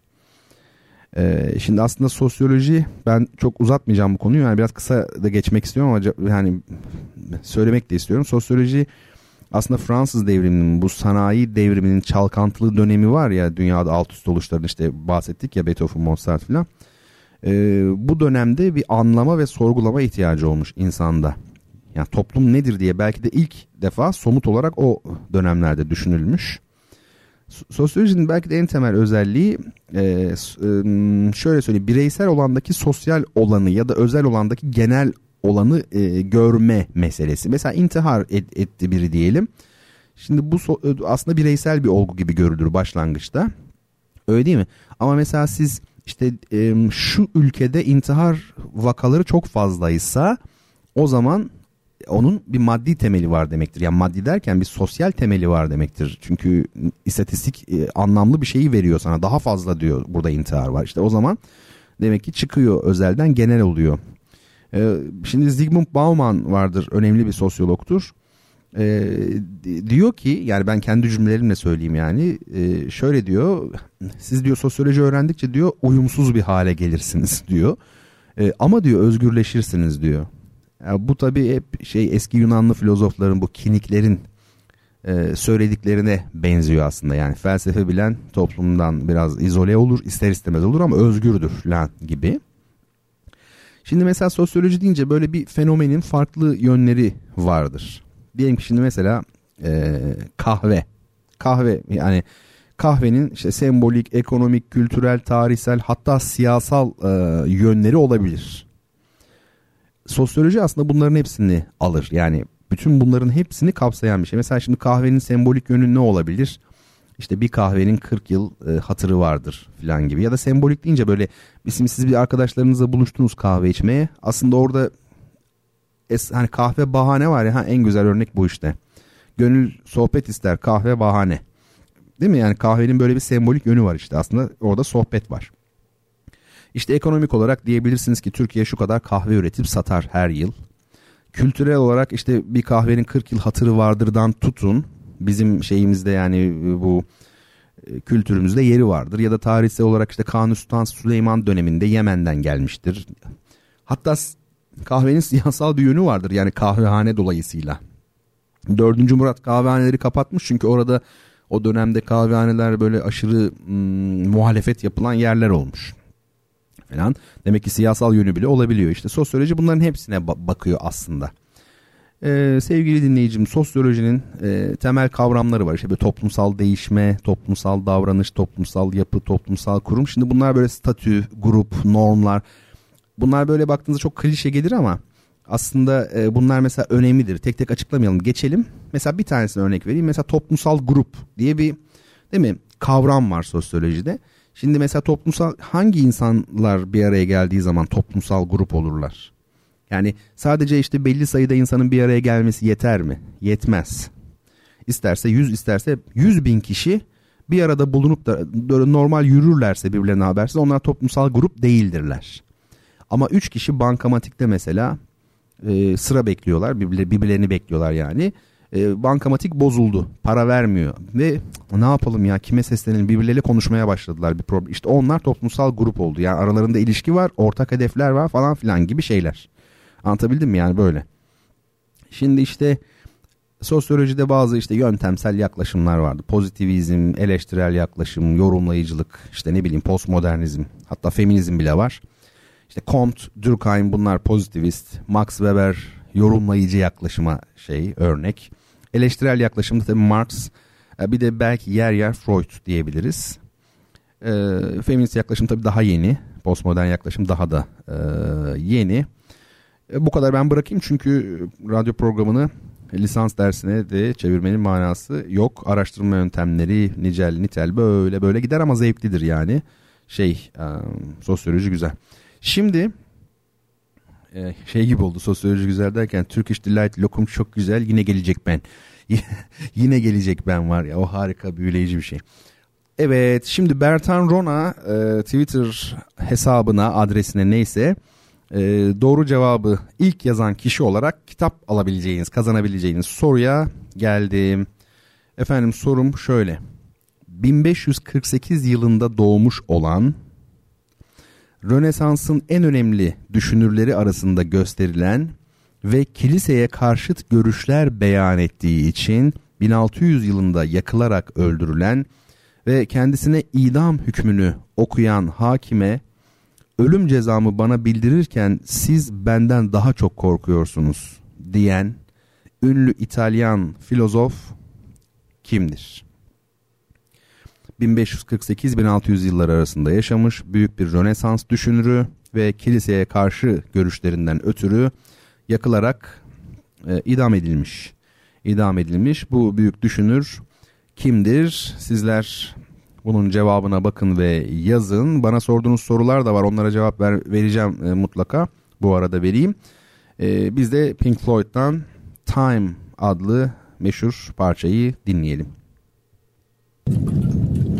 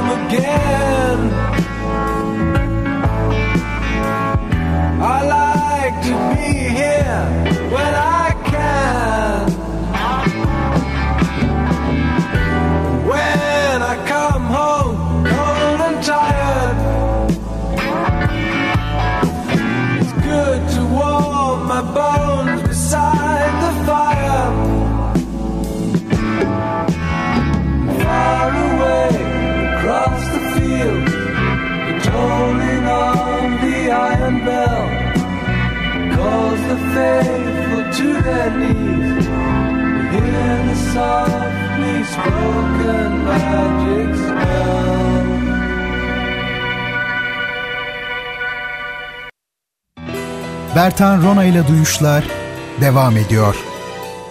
Efendim Bertan Rona ile Duyuşlar kaldığı yerden devam ediyor. Bu programda edebiyat, müzik, sanat, kültür, hayat bir şeyler var işte böyle şeyler var. Aslında ben neysem o var. Yani bu rol yapmama olayı var ya yani başka şeyler seviyor olsaydım onları paylaşırdım. Şimdi bir soru sordum az önce. Neydi o soru? 1548 yılında doğmuş olan Rönesans'ın en önemli düşünürleri arasında gösterilen ve kiliseye karşıt görüşler beyan ettiği için 1600 yılında yakılarak öldürülen ve kendisine idam hükmünü okuyan hakime burası çok güzel ölüm cezamı bana bildirirken siz benden daha çok korkuyorsunuz diyen ünlü İtalyan filozof kimdir diye sordum ve e, kitap hediyeli bu soruya sizler de cevaplar verdiniz. Pek çok e, arkadaş cevap yazmış sağ olsunlar sevgili dinleyicilerim cevaplar yazmışlar. E, Giordano Bruno doğru cevap ve ilk yazan kişiye kitabımızı göndereceğiz. Nickname olarak Kemalinden diye bir isim kullanan değerli takipçime, dinleyicime e, bu kitabı e, göndereceğim. Kendisinden ricam e, bertanrona.gmail.com adresine e, e-mail adresine, elektronik posta adresine ya da her neyse oraya bir mail göndersin lütfen ve açık adre, adını soyadını önce sonra açık adresini sonra da telefon numarasını yazsın. E, kargo şirketleri telefon numarası da istiyorlar. Bazen sıkıntı olabiliyor ve bizler de e, kitabını kendisine ulaştıralım. Adını soyadını yazsın ki ben imzalayayım. Kendi kitabımı göndereceğim yine çünkü. E, çok teşekkür ediyorum verdiğiniz cevaplar için. Herkese tabii çok teşekkür ederim. Hepinize kitap göndermek isterim aslında ama bakalım bu kitapla da ilgili daha bir seçenekli bir şey olacak herhalde artık iyice az kaldı önümüzdeki günlerde. Şimdi bazı sorulara ben cevap vereyim. Ee, Havva Hanım e, benim bu programı ilişkin duyuruma hani saat 22'de sizle beraber olacağım falan diye yazmıştım ya ona oy demiş. Teşekkür ederim herhalde bu oy iyi bir oy. Ee, siyah inci zevkle dinliyoruz demiş. Sağ olunuz efendim. Yine siyah inci demiş ki kuş evinden bu noktaya nasıl gelindi? Hani vardı ya programın başında kuş evinden şimdi şey koymayınız ekmek koymayınız noktasına nasıl gelindi? Ya bu o kadar cevabı uzun bir soru ki hani yer kabuğunun sıcak olduğu dönemlerden başlamak lazım ama şunu söyleyeyim. Bu çağda artık yani e, dünyanın geldiği bu noktada e, gerçekten o dinlerin ve dinlerde e, var olan işte kul hakkına, canlıların hakkına riayete veya tabiatla bir bütün olmaya dair o doktrinin o kısmını yaşama imkanı çok zorlaştı. Ee, aslında bambaşka bir dünyanın insanıyız biz şu an. Temel sebebi e, bu. Yani cevap veremedim çünkü zaman yok hakikaten buna. Gülsüm Hanım demiş ki güzel sanatlar tabiri hani ana hatlarıyla söylüyorum Gülsüm Hanım'ın söylediğini. Güzel sanatlar, çirkin sanat var mı ki? E, şöyle aslında e, burada bir zanaat sanat ayrımı var. Eskiden yoktu bu ayrım. E, biliyorsunuz zanaat hepsini kapsıyordu. Sonra işte bir sanat diye bir sanatla zanaat ayrıldı. Orada güzel sanatlar deme ihtiyacı duyuldu. Sanayi nefise var ya yani işte güzel e, sanatlar, üretimler, sanayi E, masnu masnuat mesela onlar üretilmiş demek. Sanat eseri olan şeyler. E, dolayısıyla aslında güzel sanatlar ifadesi e, gereken bir ifade. Bir de biliyor musunuz Azeriler çok güzel ince sanat diyor. Yani mesela şöyle düşünün berberlik de bir sanattır ama bir de mesela musiki var, resim var. Bu da güzel sanatlar deniyor. Fransızcası da öyle falan filan. Şimdi sorulara cevap vermeye devam edelim. Bizim bu 19 Aralık'ta Ankara'daki konserimiz için Ahmet Sulakçı beyefendi İstanbul'un bir tepesinde de bu konseri dinlemeyi çok isterim demiş. Sağ olun, var olun. Tolgacım da bir gün mutlaka demiş. Besteci Tolga Taviş. Umarım öyle olur. Yapabiliriz İstanbul'da da. Ve e, Kemalinden nickname'li yazan arkadaşımız Giordano Bruno demiş. Doğru cevaplar var. Soru varsa cevaplayayım istiyorum çünkü yani kabalık etmeyeyim. Ee, Alihan Yetimoğlu beyefendi demiş ki hocam bazen çok güzel atasözleri ve deyimler okuyorum duyuyorum. Bunları kullanayım diyorum günlük hayatta ama mümkün değil aklımda kalmıyor. Ne önerirsiniz? Bu çağda e, aslında ezber diye bir şey kalmadı. Bu büyük bir eksiklik.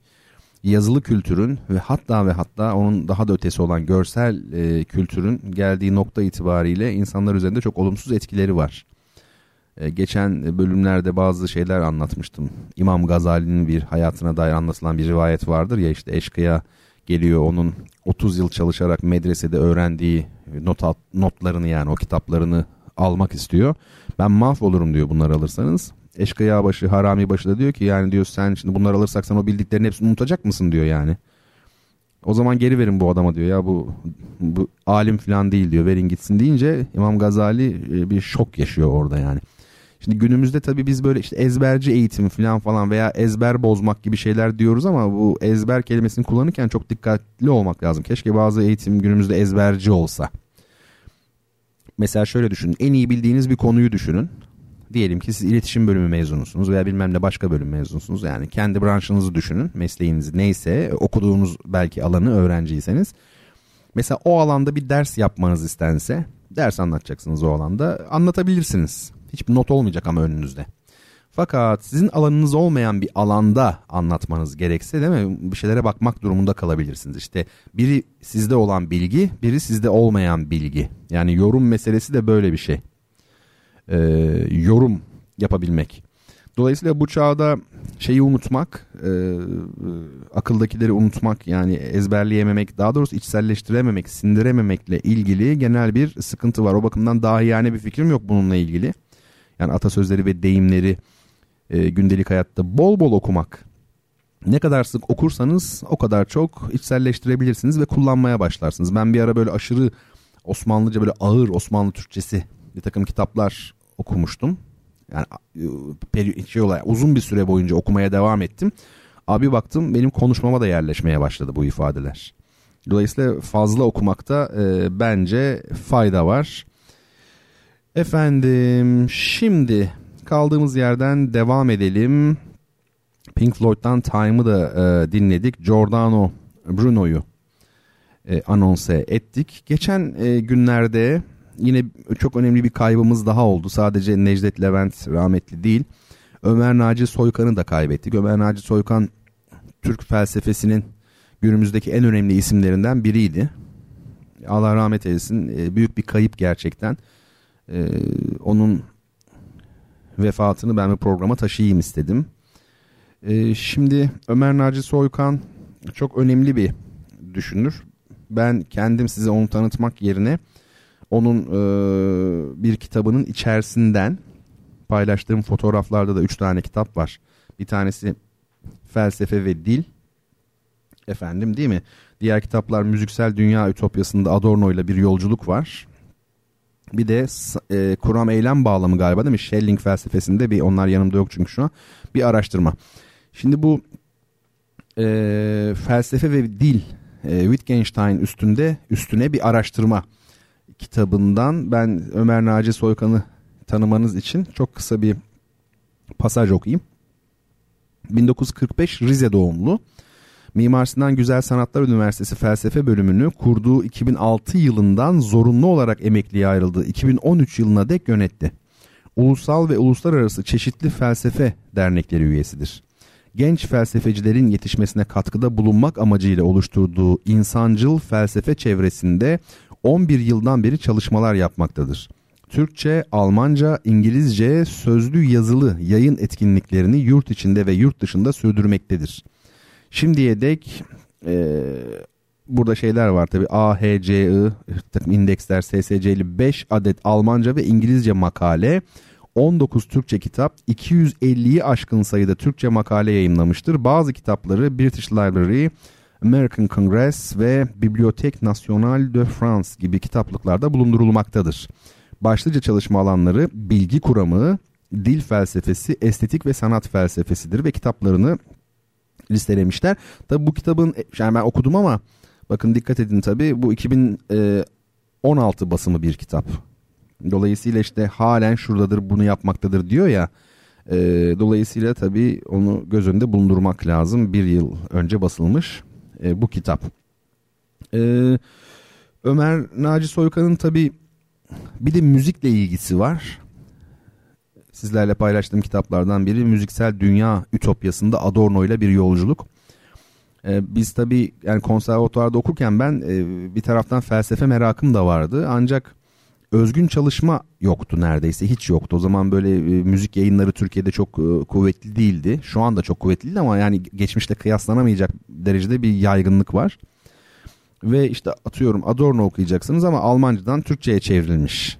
Veya başka bir yazar okuyacaksınız. E, çeviri yani orijinal e, e, müzikle ilgili yayın yapan insan hele hele felsefeci yok gibiydi. Şimdi yeni yeni böyle oluyor ama Ömer Naci Soykan e, müziksel dünya ütopyasında Adorno ile yolculukta mesela o kitabı benim konservatuarda aldığım kitaplardan biridir. Evde de böyle fotoğrafını çekiyorum ben bu kitapların. Yani onlar internetten resimler değil. E, cep telefonuyla fotoğrafını çekip ondan sonra da işte düzelt var ya sağdan soldan kesiyorum. Bir de sevgili Ece e, bana öğretti. E, bir programla onları şeye Instagram'a sığacak hale falan da getiriyorum. Çocuk gibi mutlu olarak yapıyorum yani. Her şey sizin için. Şimdi Ömer Naci e, Soykan Allah rahmet eylesin. E, kitaplarını alın efendim, duyurun.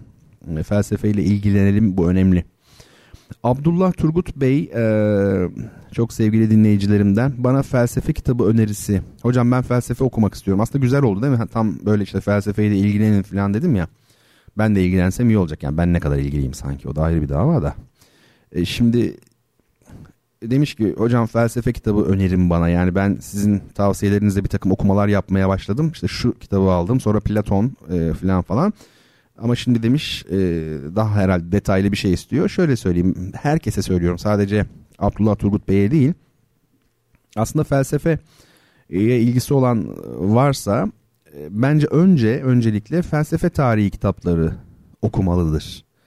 E, çünkü hem felsefe tarihine genel bir bakışa sahip olmuş olur hem de kavramları tanır. Bu ikincisi daha önemli yani felsefe kavramlarla yapılıyor. Çünkü felsefede tartışılan e, sorular, sorunlar nedir ve kavramlar nelerdir? Temel kavramlar. Çünkü ismi ne kadar değişik olursa olsun bin yıl, iki bin yıl içerisinde aslında bakıyorsunuz tartışılan konular e, aynı gibi. Belli konular özellikle. O bakımdan ben Macit Gökberk'in çok da bir klasik Remzi yayınlarından çıkan felsefe tarihi kitabını şiddetle öneririm. Ee, sonra onun hocası olan Ernst von Aster var. Onun ders e, notları adlı bir kitabı var. Yani Ernst von Aster'in ders notları. O da bir felsefe tarihidir. Belli bir yerde sonlanır kitap ama bu iki kitaptan önce bir felsefe tarihini biraz içselleştirmek lazım. Ardından bunları okuduktan sonra mesela ilginçtir e, biraz az bulunan bir şey e, kitap. Aydın Çubukçu'nun Mantık ve Diyalektik adlı bir kitabı var. Orada da evrensel bağıntılılık kavramı ile ilgili bir kitap olduğu için bu kitapların arkasından okunabilir. Aydın Çubukçu'nun Mantık ve Diyalektiği. E, not alın diye bir ağır söylemek istiyorum ama bir taraftan da şey var yani pazar günü bu programın tekrarı banttan veriliyor 9'da 21'de akşam pazar oradan da bakılabilir. Sonradan da zaten arkadaşlar SoundCloud'a yüklüyorlar. Ee, sonra Bunları okuduktan sonra işte Platon'un devleti veya Spinoza'nın etikası ya da işte ne bileyim Hegel'in işte Türkçe'ye hani tinin fenomenolojisi diye çevrilmiş ya bunları okumak. Çünkü bu siz e, felsefe tarih kitaplarını okurken içinde bunlar geçecek. Öyle ya sadece tarihi okumak olmaz yani onu okudunuz iç, içeriği de okumanız lazım. Orada bahsedilen e, filozofların kitaplarını ama bunlar ağır kitaplar çok ağır kitaplar dolayısıyla iyi çeviri lazım. Hani hep söylüyorum ya işte yine söyledim kavramlarla yapılır diye adam çevirmiş ama mesela şimdi Türkçe'ye onu bir şeyle e, karşılamış.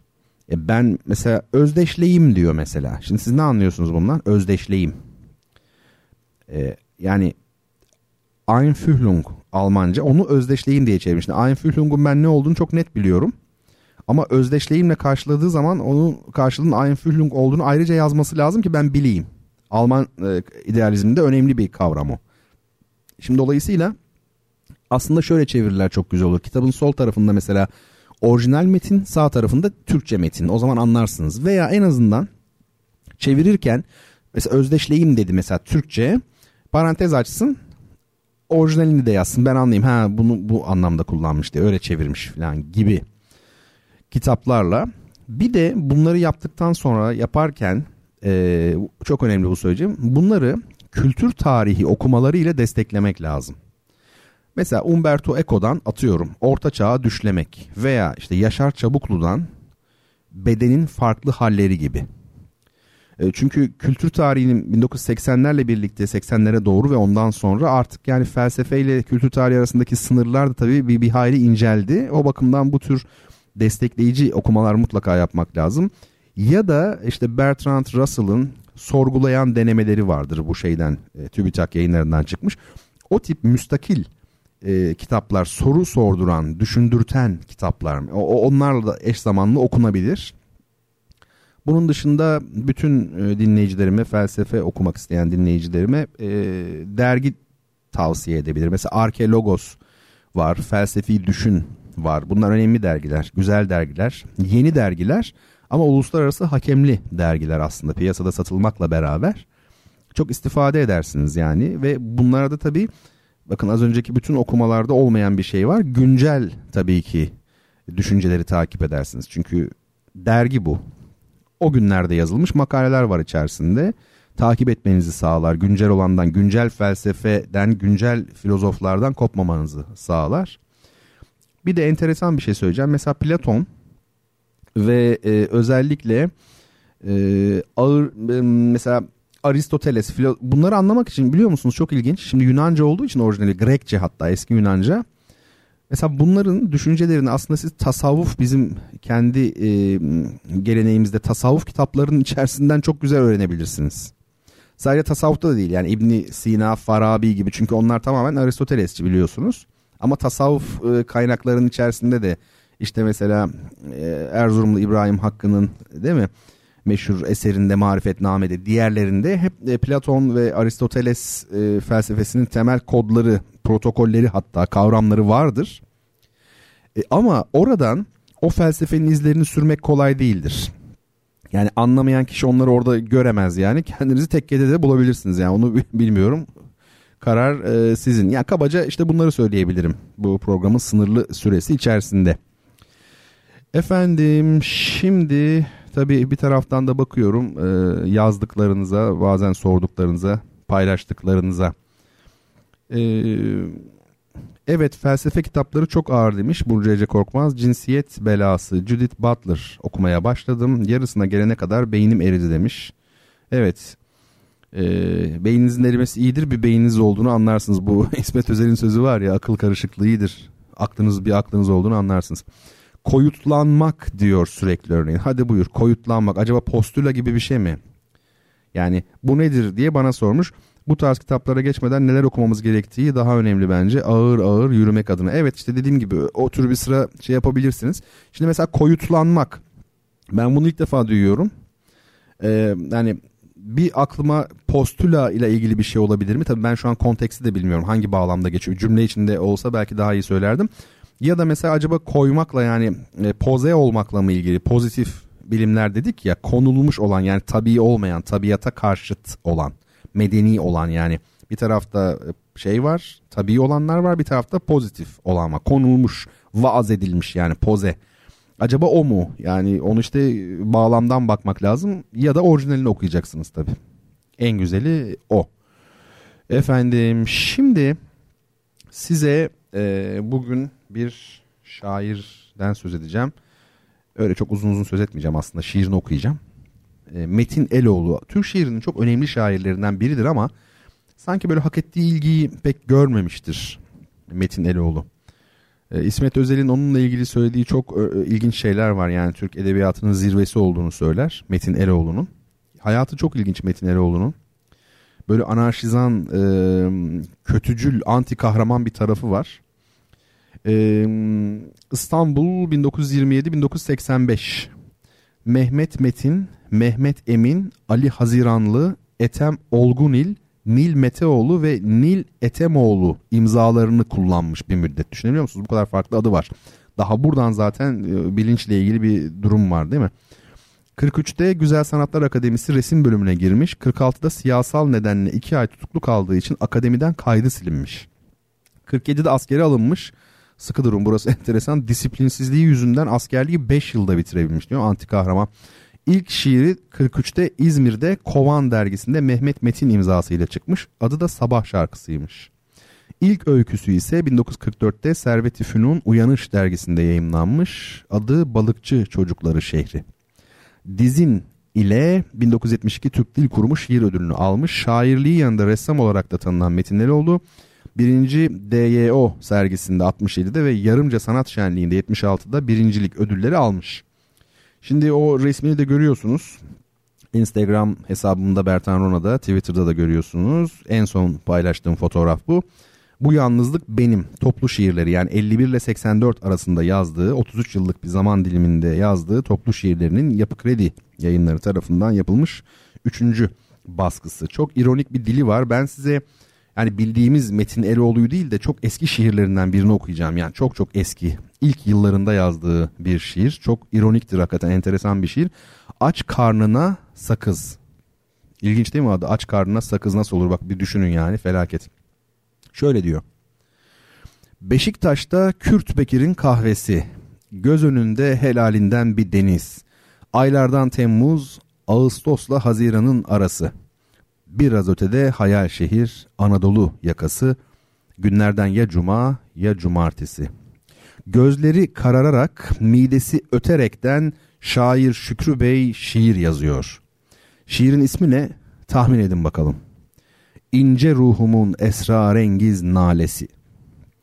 İlkten gözleri şöyle uzaklara dalıyor, rengarenk bulutlar evlere şenlik, ufkun güzelliği güneşin battığı yerde. Köylüden bir nefes alır almaz genzi yanıyor. Geniz yana dursun Şükrü Bey bu şiiri mutlaka yazacak. Vallahi de yazacak, billahi de yazacak. Hassas insanlarına gözyaşına bakmak yok. Diyecek ki pundunu kollayıp Anamdan şair doğdum, sonradan oldum sanma. Ey gafil okuyucu, genç şairlere kanma. Istırabım meyvası, mısralarım acıdır. Kafiyelerdeki ilham, aşkımın kırbacıdır. Kalemi tükürükleyip saldırıyor kağıda. İlahi duygularla süslü ilham perisi, gelsin şiir dehamın, gelsin öteberisi.'' İçinde cinas olsun, teşbih istiare olsun, yürekler acısı bir şiiriyet. Barışla ne işim var, neme lazım hürriyet. Veremle intiharla bitsin sonu, ucunda on papel var, boru mu bu? İki ekmekle dünyada doymayız diyordu. Ben kör oğlunu bilmez miyim? Özçelik de doymaz, yaratılıştan obur. 250 gram pastırmayı nasıl yemiştik geçen akşam? Üstüne iki tane de yumurta kırmıştık bir baş soğan, bir buçuk Ramazan pidesi, komşuların verdiği bir tabak tepeleme irmik helvası. Melal sevda zedeye lütuftur sanıyorum. Ey Saki bana meysun, için için yanıyorum. Yaradana sığınıp bir beyit daha yazdı ama ben burada tekrarlamaya utanıyorum. O esnada kalemin ucu bitti, garsonun çakısını isteyip dikkatle yonttu. Mehtaplı gecelerde ruhum hasretle inler, bu ilahi nameyi taşısın yelkenliler. Tam aşkın ölmezliğinden bahsedecekken kötü bir ihtimal içinde yer etmez mi? Hadi bu harika şiir bitti diyelim. İzzet Bey sözünde durur muydu ki? Yani 10 lirayı verip bu şiiri alır mıydı? Birden ateş gibi bir beyit geldi aklına. Gözlerinin yeşili sanki denizin dibi, o bembeyaz kolların sırçadan saray gibi. Tam üç aydır yıkanmadı diyordu. Hangimiz yıkandık zaten? Hani hamam parası? Özçelik'te bit bile çıkmış. Dün geri çevirdiler okuldan. Üç aylıklara daha yirmi gün var. Amasya'nın telgrafı Baldız Hanım geliyor. İki çocuğuyla başlarına yıkılmak üzere. Elektriğin bekçi aylığının eli kulağında zaten. Şükrü'yü bugünlere mi doğurdun? Ah anam, garip anam. Yaratıcı meleke kendini gösteriverdi. Gelsin büyübülü şeyda, boşalsın peymaneler, ruhumun derununda esrarengiz naleler. Zehir içip geberse şerefine yediremiyor. Evi barkı terk etmek erkeğin şanından mı? Bütün bunlar sanki yetmezmiş gibi bu sabah da kubur patladı. Hazan akşamlarında inleyen bir garip ney, ardından kahkahalar. Tanrım bu ne biçim şey? Anlaşıldı bu gece evcek açız. Bakkalın önünden bile geçemem. Kasaba rastlasam belki de dövüşeceğiz. İyisi mi sen buradan usulcacık kırarsın. Yüz dirhem ekmek alıp sinersin bir kuytuya. Ötekiler de ne halleri varsa görsünler. Sana güvenip de gelmediler ya dünyaya. Tam arka kapıdan sıvışacakken garson ensesinde bitiverdi. Önce şu hesabı görelim Şükrü Bey. Az şekerli kahveyi höpürdete höpürdete içersin. Oğlum Remzi çakın var mı? Oğlum Remzi şu radyoyu açıver. Gel Remzi git Remzi. Sonra da tüyersin ha hıyar ha. Çıkarıp son onluğu da garsona verdi. Evet sıra dışı bir şiir ama bu biraz şey gibi sanki yani Nazım Hikmet'in bu ilk dönem e, şiirlerin değil de e, memleketinde insan manzaralarının tabii çok farklı bir kapsamda ama oradaki anlatım gücü var burada. Anlatım gücünden kastım şiiriyet değil yani hikaye etme gücü var. Hakikaten de hayatın gerçekleriyle o eski belki divan şiiri kalıntısı olan bir şiir arasındaki kontrastı öyle güzel vermiş ki tabii ben de okurken dikkatinizi çekmiştir. O şimdi e, şiirsel olan yerler italik yazıyla verilmiş ama tabii sizin görme şansınız yok. Benim onu okuyarak vermem lazım. Ben de o aradaki e, farkı özellikle altını çizerek e, vurgulamak istedim. Öyle bir e, ironi var şiirin içerisinde. Tabii bir şairin şiir yazmaya çalışan birinin daha doğrusu belki de e, açlığı da var. Tavsiye ederim Metin Eloğlu e, okuyunuz. Gerçekten de Metin Eloğlu'nun e, Türk edebiyatında çok önemli bir yeri var. Efendim şimdi programımızı kapatacağız artık. Bu kapanışta çalacağım müzik üzerine birkaç şey söyleyeyim size. Ee, şimdi Leonard Bernstein gibi e, Leonard Bernstein diye özür dilerim bir Amerikalı orkestra şefi ve besteci var.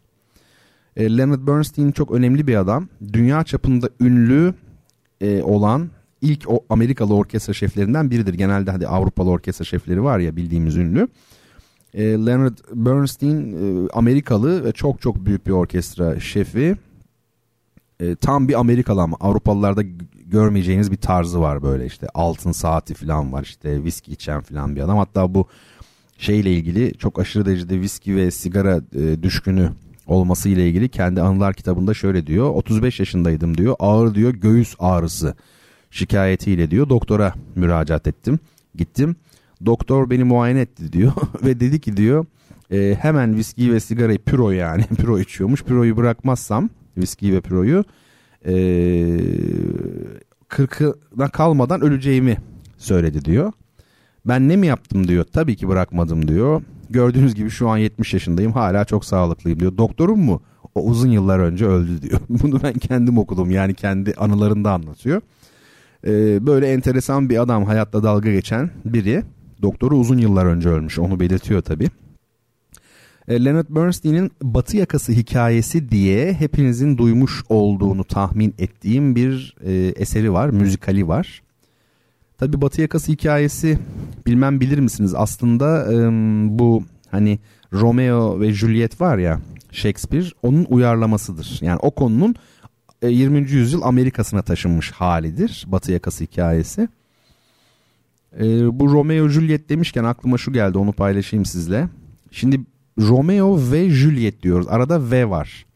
Ama Leyla ile Mecnun, Ferhat ile Şirin bizde ile var. Yani ile ile V çok farklı şeyler. Ulus Baker e, o da çok önemli düşünürlerimizden biri çok genç yaşta kaybettiğimiz. Ulus Baker e, der ki yani ben V bağlacını hiç sevmem der. Yani hiç kullanmak istemez V bağlacını. İle iyi kullanır. İle daha tabii evrensel bağıntılılık dedik ya bugün. Yani ile e, biliyorsunuz vasıta anlamını da verir. Arabayla gittim mesela. Yani hep bir ilişki vardır ilenin olduğu yerde.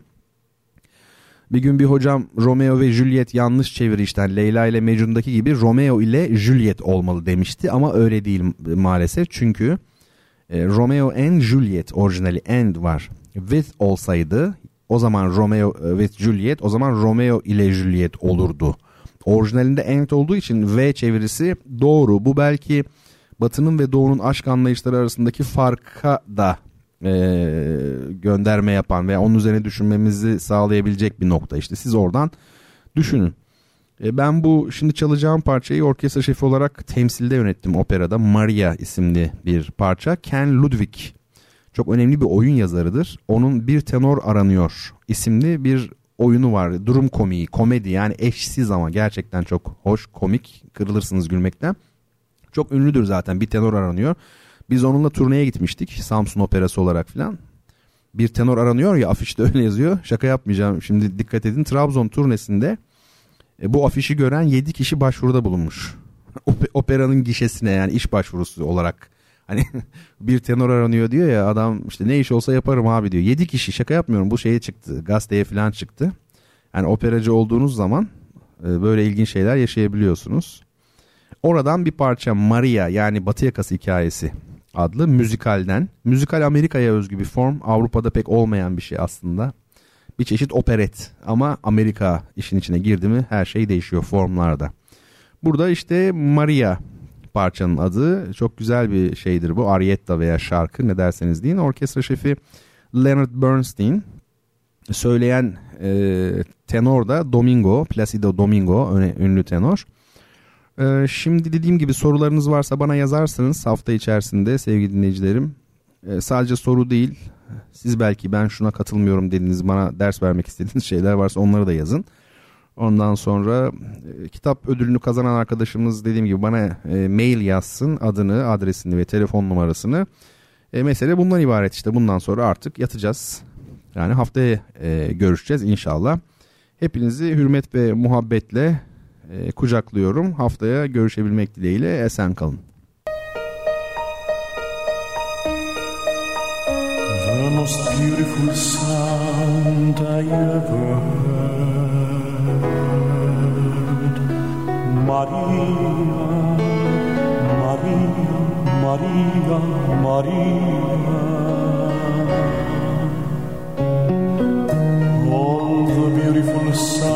sounds of the world in a single word.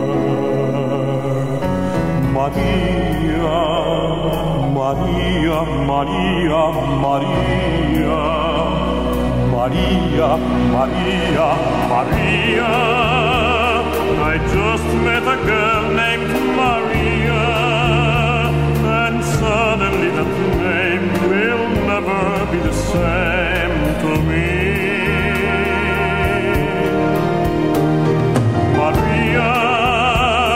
I just met a girl named Maria, and suddenly I found how wonderful a sound. Maria, say it loud and there's music playing. Say it soft it's almost like